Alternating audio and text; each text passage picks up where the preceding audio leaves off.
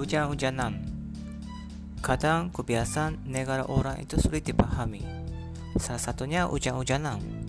Ya memang anak kecil itu suka main waktu main hujan Tapi di Indonesia dari TK sampai dewasa Ada yang masih suka hujan-hujanan. Memang hujan-hujanan salah satu fenomena Indonesia Tapi aku sangat suka melihatnya Tapi tidak sampai ikutan Karena tidak paham cara mainnya.